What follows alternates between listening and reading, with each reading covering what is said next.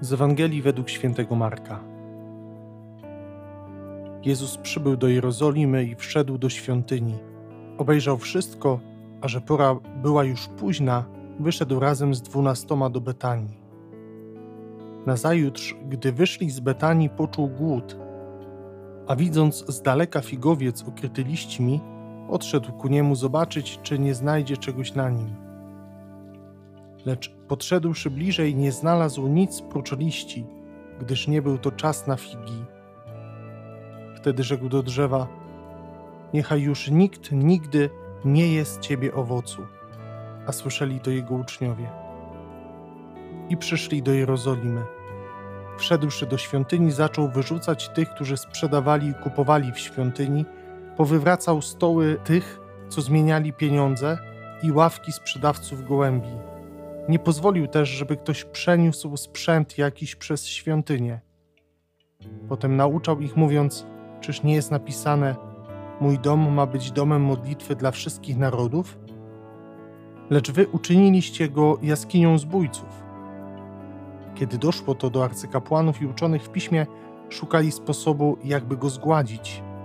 Czuli bowiem lęk przed nim, gdyż cały tłum był zachwycony jego nauką. Gdy zaś wieczór zapadł, Jezus i uczniowie wychodzili poza miasto. Przechodząc rano, ujrzeli figowiec uschły od korzeni.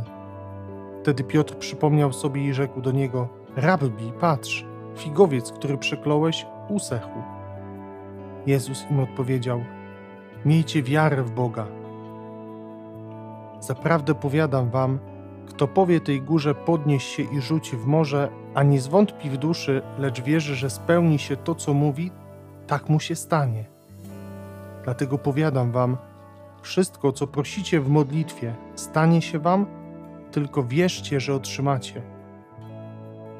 A kiedy stajecie do modlitwy, przebaczcie, jeśli macie coś przeciw komuś, aby także Ojciec Wasz, który jest w niebie, przebaczył Wam wykroczenia Wasze.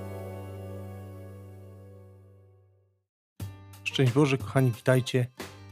Długi dzisiaj ten fragment Ewangelii. Bardzo wiele wątków się tam przewija.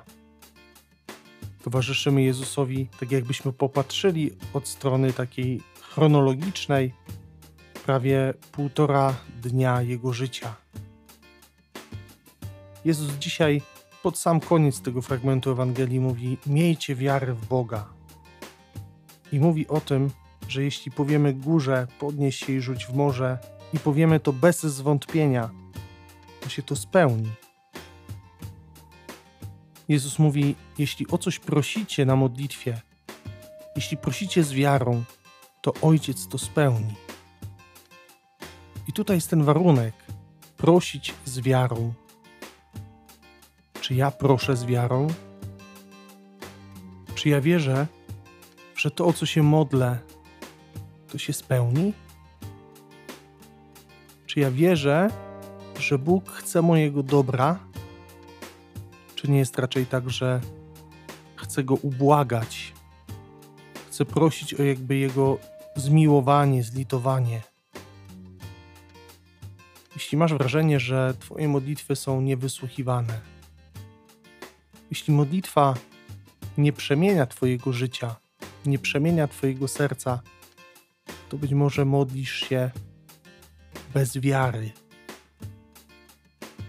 To wcale nie musi oznaczać, że Bóg nie chce spełnić tego, co jest pragnieniem Twojego serca.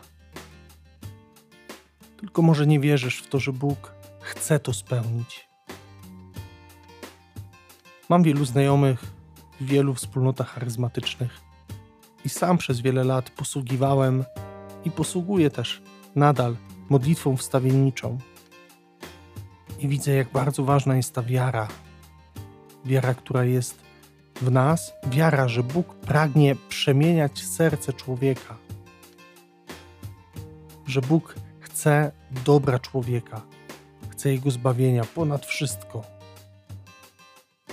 Czasem sobie tak myślę, że ta moja modlitwa może nie jest odpowiednia, w takim sensie, że źle się modlę, że proszę Pana Boga o coś, co tak naprawdę nie służy mojemu dobru czy dobru drugiego człowieka, że nie służy Jego zbawieniu, a tak naprawdę o to Bogu chodzi. I to jest Jego pragnienie, żeby człowieka zbawić. Niestety mamy z tym problem, że tak mało modlimy się o zbawienie człowieka, a tak często narzucamy Panu Bogu naszą wolę, nasz sposób myślenia. A przecież nie o to chodzi. To nie jest cel naszego życia. Ale jeśli z wiarą naprawdę będę prosił o coś Boga, to On to spełni. To On da mi wszystko, co będzie mi potrzebne do mojego szczęścia i mojego zbawienia.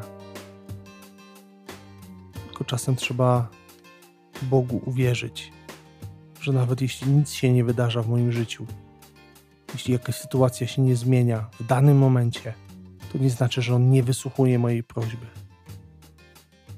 Ale czy masz w sobie taką wiarę, można powiedzieć taką niepoprawną wiarę? Taką naiwną, w takim sensie, że ufa Bogu ponad wszystko. Bo to jest klucz do serca Boga. Relacja z Nim, relacja z Ojcem, z Tatą. Kochani, życzę Wam takiego zaufania Bogu, żeby to zaufanie przemieniało Wasze serce. Dziękuję Wam za dzisiaj. Mam nadzieję, że jutro się usłyszymy ponownie.